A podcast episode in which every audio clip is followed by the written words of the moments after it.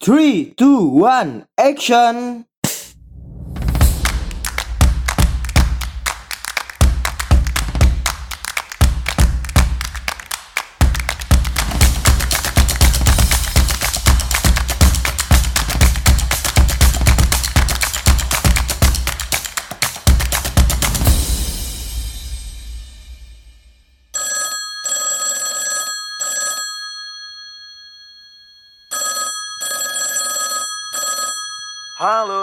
Selamat datang kembali di Pod by MA, tentunya di program Anak Komunikasi. Yeah.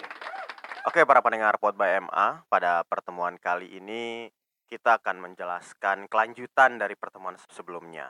Ya, pada pertemuan sebelumnya kita sudah membahas tentang uh, media kampanye politik yang kita ambil dari beberapa buku ajar yang menjelaskan waktu itu adalah pilkada di DKI Jakarta.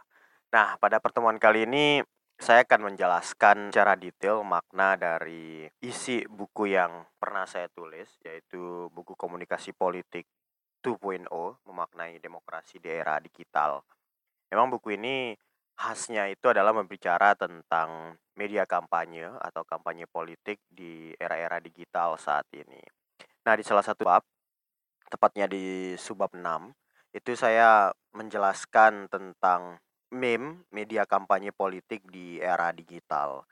Nah, sebelum saya membahas tentang tulisan saya ini, ada satu kutipan yang saya tulis di buku tersebut, ya itu adalah kutipan dari Bapak Gunawan Muhammad, beliau sastrawan Indonesia.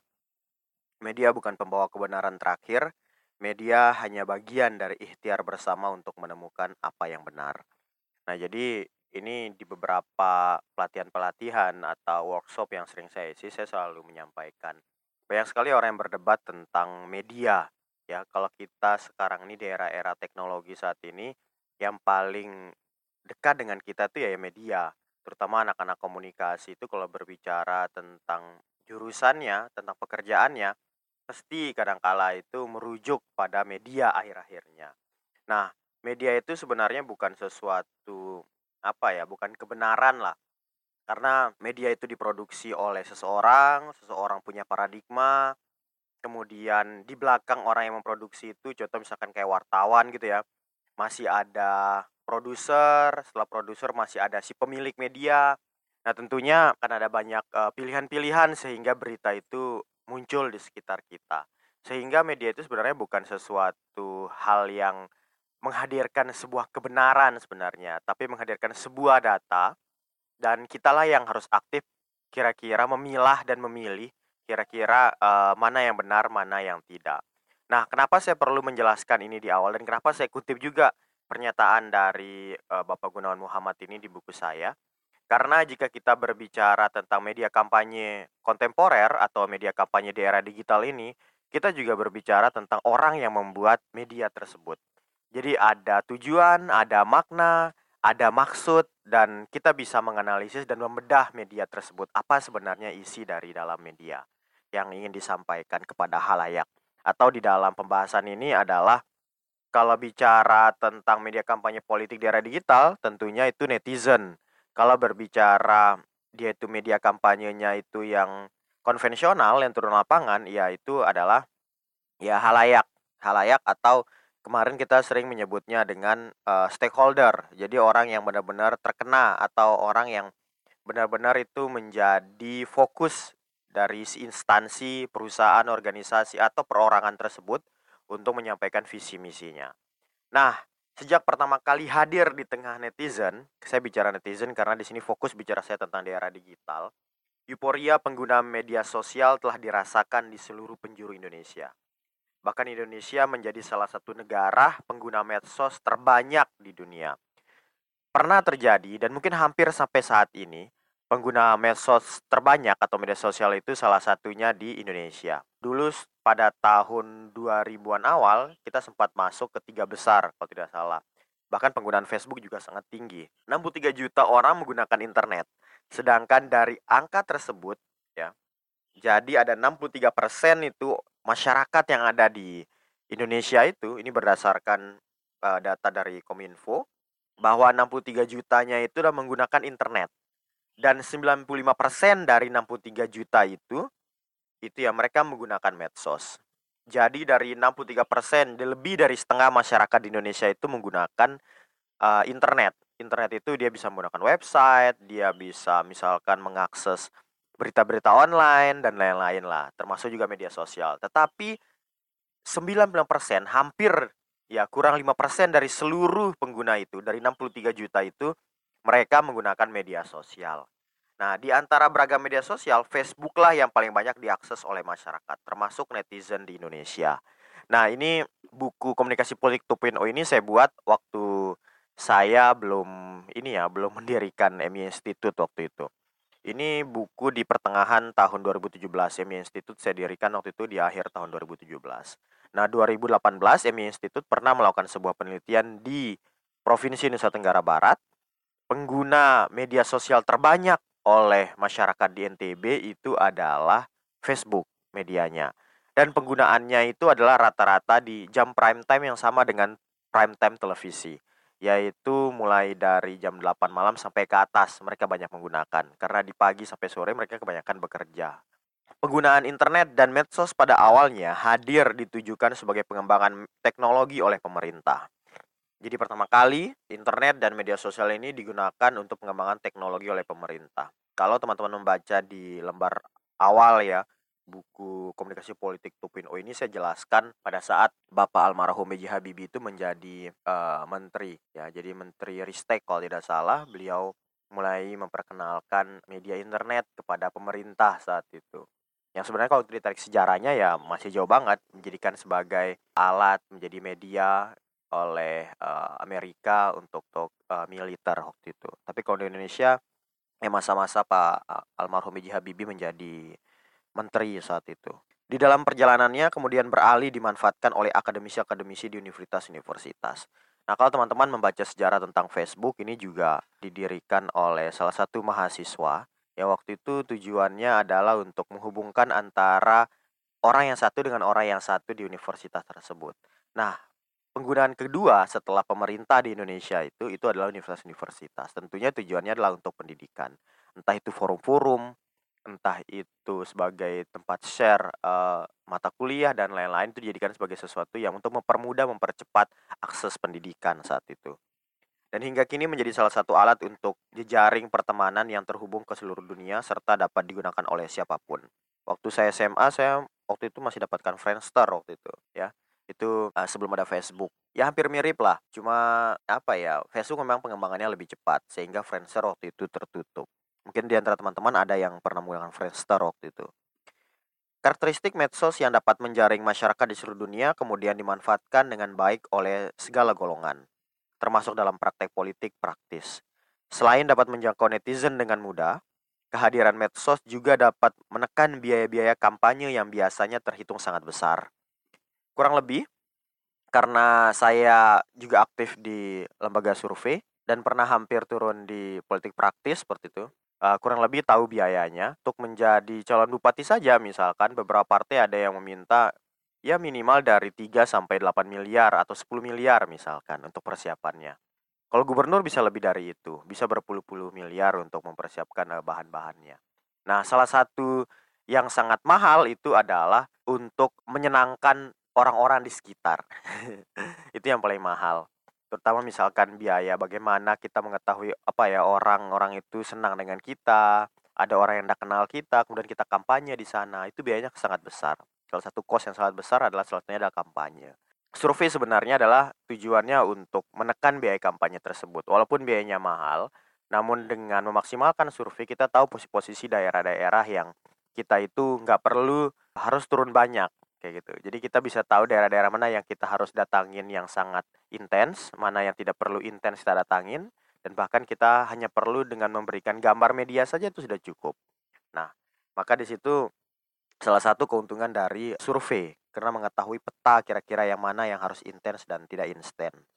Atau kita menyebutnya itu kalau di lembaga survei ada area merah, ada area hijau, ada area kuning waktu itu. Area hijau itu sudah aman, biasanya itu hanya gambar-gambar media aja kita berikan kemudian kalau misalkan itu wilayahnya itu kuning, berarti semua calon itu nggak ada yang kuat di situ. Nah itu harus kita masuk gitu. Nah kalau merah itu lawan lebih banyak. Nah biasanya ini kita gunakan strateginya di detik-detik terakhir. Di bulan ketiga, bulan kedua, satu bulan sebelum pemilihan. Nah itu tujuannya bukan untuk memenangkan di daerah itu, tapi untuk menghancurkan suara. Jadi suara lawan itu kita hancurkan, kemudian kita uh, mereka itu akhirnya tidak memilih satu orang saja, tidak perlu memilih kita. Mereka memilih lawan yang lain juga nggak masalah. Yang penting lawan kita itu pecah suaranya.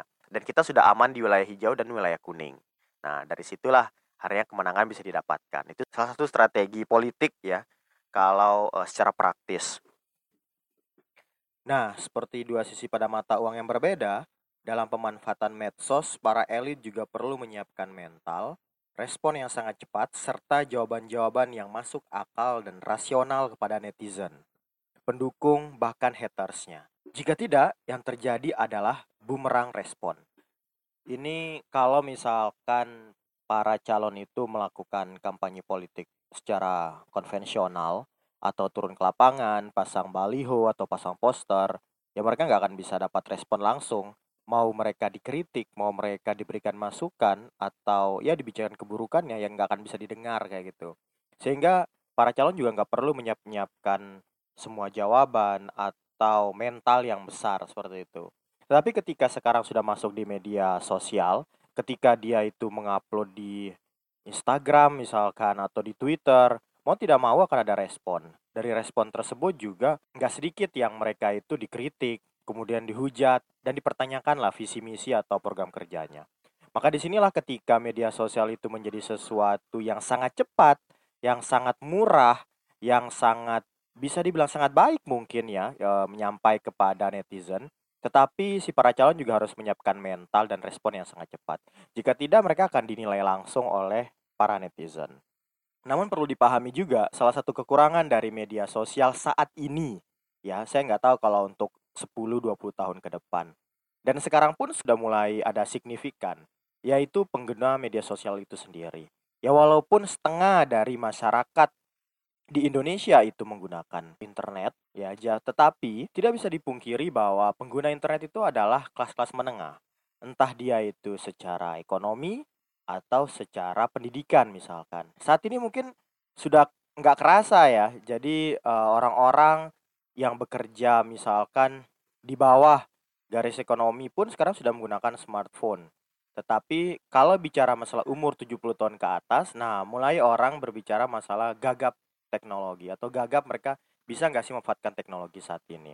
Nah saat ini kita melihat mungkin kakek kita, nenek kita, atau misalkan orang-orang yang bekerja di bawah garis ekonomi misalkan itu sudah bisa memanfaatkan. Tetapi lima tahun yang lalu ya, itu sangat berbeda karena nggak semua orang bisa menggunakan media online itu sendiri. Terutama orang-orang misalkan itu di desa-desa atau tidak ada internet di sekitarnya. Di dalam pemanfaatan media sosial, para elit dan tim juga memerlukan kreativitas untuk menarik perhatian pemilihnya. Penulis atau saya sendiri kemarin itu akan menganalisis salah satu media kampanye yang kian hadir di tengah kita atau di medsos saat mendekati pemilihan umum. Keunikan, daya tarik, serta kehusuan pembaca pada media ini pun menjadi salah satu karakteristiknya. Media itu adalah meme. Jadi fokus penelitian yang saya ambil di sini adalah tentang kajian meme. Meme atau tulisannya meme ya, atau meme culture merupakan salah satu fenomena baru dalam dunia komunikasi di Indonesia yang telah merambah ke dunia politik. Meme merupakan imitasi dan transmisi budaya lewat interaksi pembicaraan orang melalui medium analog maupun digital. Ini saya kutip di Jurnal Komunikasi yang ditulis oleh Randy Pahrun Wadipalapa tahun 2015 yang berjudul Meme Culture dan Komedi Satir Politik. Kontestasi pemilihan presiden dalam media baru. Di dalam praktik kampanye politik di Indonesia masa kini, meme sering digunakan untuk menampilkan kombinasi antara gambar, foto, slide, dan teks serta ditunjukkan untuk merespon suatu isu yang sedang diperbincangkan. Selain itu, kekhususan meme politik yang sering kali hadir di beranda media sosial memiliki karakteristik humor, kreatif, dan unik.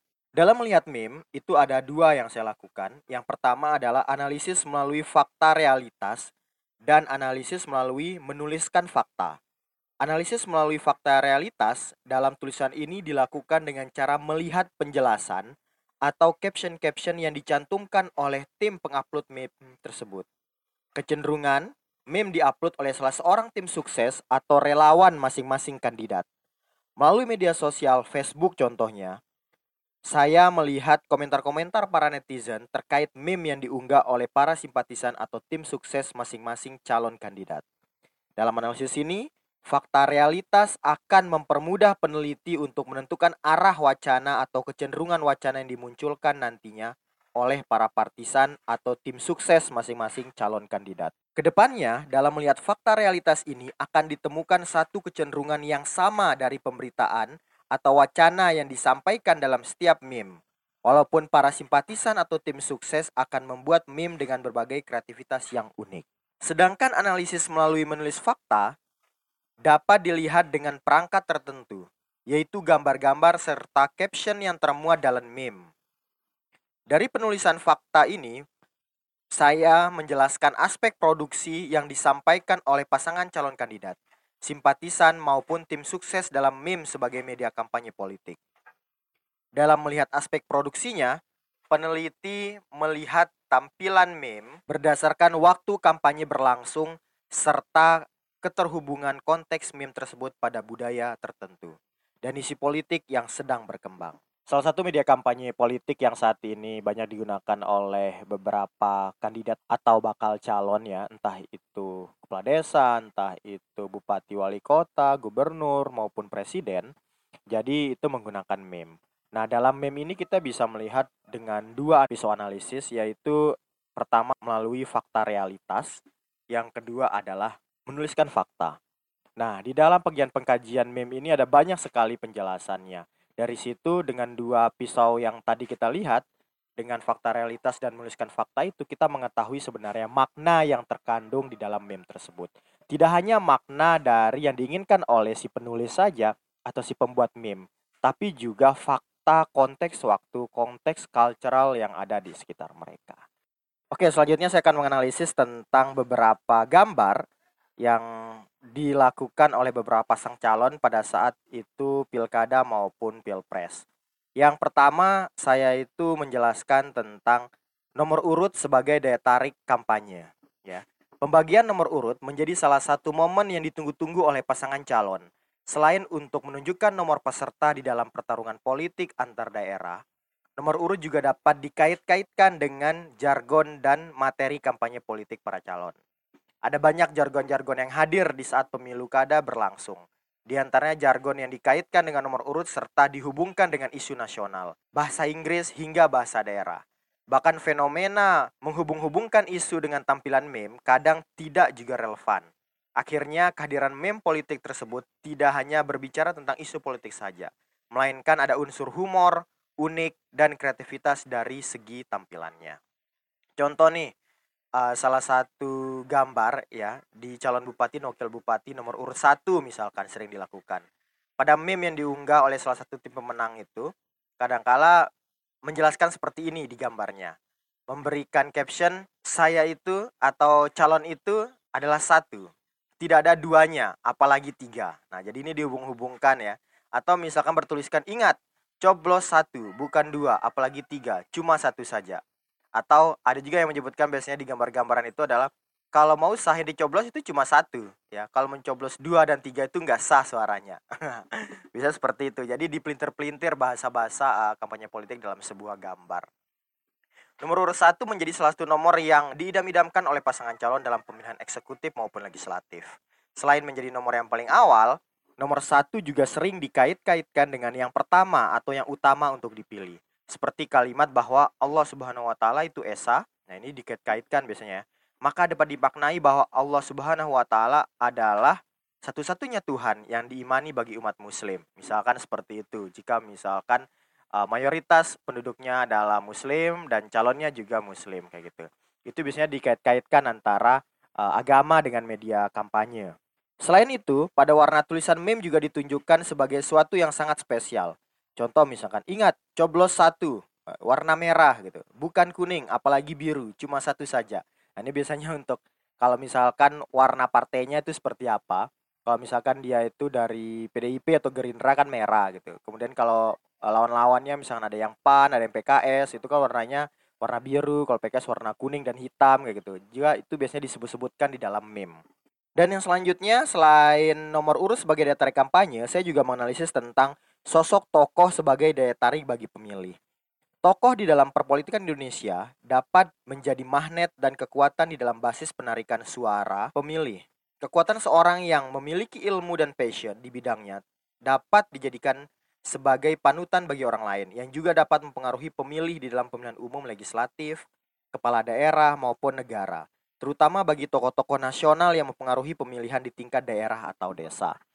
Berdasarkan hasil survei saya tahun 2018 yang lalu tentang uh, pemilihan gubernur, karena waktu itu saya pernah menjadi salah satu tim untuk lembaga survei yang uh, mensurvei bagaimana sih masyarakat NTB itu memilih para calon gubernur. Nah, salah satu yang sangat tinggi adalah pengaruh tokoh-tokoh yang ada di sekitarnya. Kalau di Lombok, mereka itu banyak yang terpengaruh dengan uh, tuan guru tuan guru. Tuan guru itu adalah seperti kiai atau guru agama lah di daerahnya. Kemudian kalau di Sumbawa itu kebanyakan tokoh-tokoh nasional. Tokoh-tokoh nasional yang sering uh, muncul di televisi, kemudian di media-media itu menjadi panutan bagi mereka. Sehingga ketika gambar si tokoh tersebut dimunculkan, entah dia itu mendukung atau tidak, atau dikutip-kutip saja gambar mereka itu, itu menjadi daya tarik untuk pemilih, terutama pemilih-pemilih awam atau secara pendidikan atau ekonomi itu rendah sehingga mereka semacam kayak pemilih non rasional mereka itu memilih dengan uh, pilihan-pilihan tergantung kedekatan dan tergantung siapa tokoh yang uh, mereka sukai atau mereka hormati seperti itu. Sehingga dengan kampanye-kampanye seperti ini di daerah-daerah yang masih banyak tokoh-tokohnya, kemudian masih banyak orang-orang yang misalkan bekerja di luar negeri atau di luar daerahnya di Jakarta misalnya seperti itu mereka menjadi orang yang terkenal dan mereka ditampilkan fotonya dalam meme itu juga sangat berpengaruh. Dan selanjutnya juga saya mengutip tentang meraup suara dari templatean foto-foto idola. Contohnya nih ada banyak sekali misalkan seperti pemain bola atau ada artis-artis gitu ya yang mereka foto yang tujuannya itu bukan untuk kampanye politik. Mereka fotonya hanya kadang-kala peace gitu. Jadi dua jari dinaikkan di atas gitu. Ya tujuannya untuk salam perdamaian, atau misalkan ada ustadz-ustadz yang la ilaha illallah seperti itu menaikkan satu jari di atasnya. Yang sebenarnya tujuannya itu bukan untuk kampanye, konteksnya berbeda. Konteksnya itu di luar dari kampanye itu. Tetapi kadang-kala calon itu mengambil fotonya mereka dan itu adalah dijadikan salah satu alat untuk menarik perhatian si pemilih nantinya. Tujuannya apa? Sama seperti tadi itu. Ketika artisnya itu misalkan cewek, seksi, peace kayak gitu ya.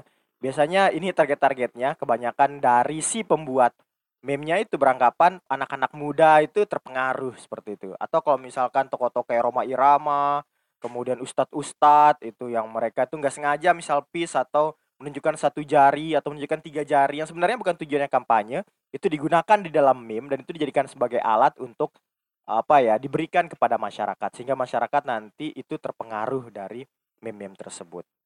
Nah, itu beberapa yang bisa saya jelaskan di awal ini tentang media kampanye politik yang subnya itu adalah terkait meme. Nah, jadi meme itu adalah uh, sebenarnya adalah gambaran atau realitas atau culture di sekitar kita yang dia itu dimunculkan dan kadang itu tidak ada hubungannya, namun dia bisa menjadi humor, bisa menjadi sebuah uh, alat untuk propaganda dan bisa menjadi alat untuk mengkampanyekan sesuatu di tengah masyarakat. Yang dia tidak harus konteksnya itu uh, sama atau konteksnya itu berhubungan dengan yang diletakkan pada gambar tersebut. Namun ketika itu menjadi sebuah hal yang unik, menjadi hal yang menarik, itu juga menjadi menarik perhatian bagi orang-orang di sekitarnya. Oke para pendengar Porba MA, demikian yang saya sampaikan pada pertemuan kali ini tentang media kampanye digital dengan subtemanya itu adalah meme. Semoga kita bisa ketemu lagi di pertemuan selanjutnya dengan membahas beberapa pembahasan-pembahasan yang lainnya.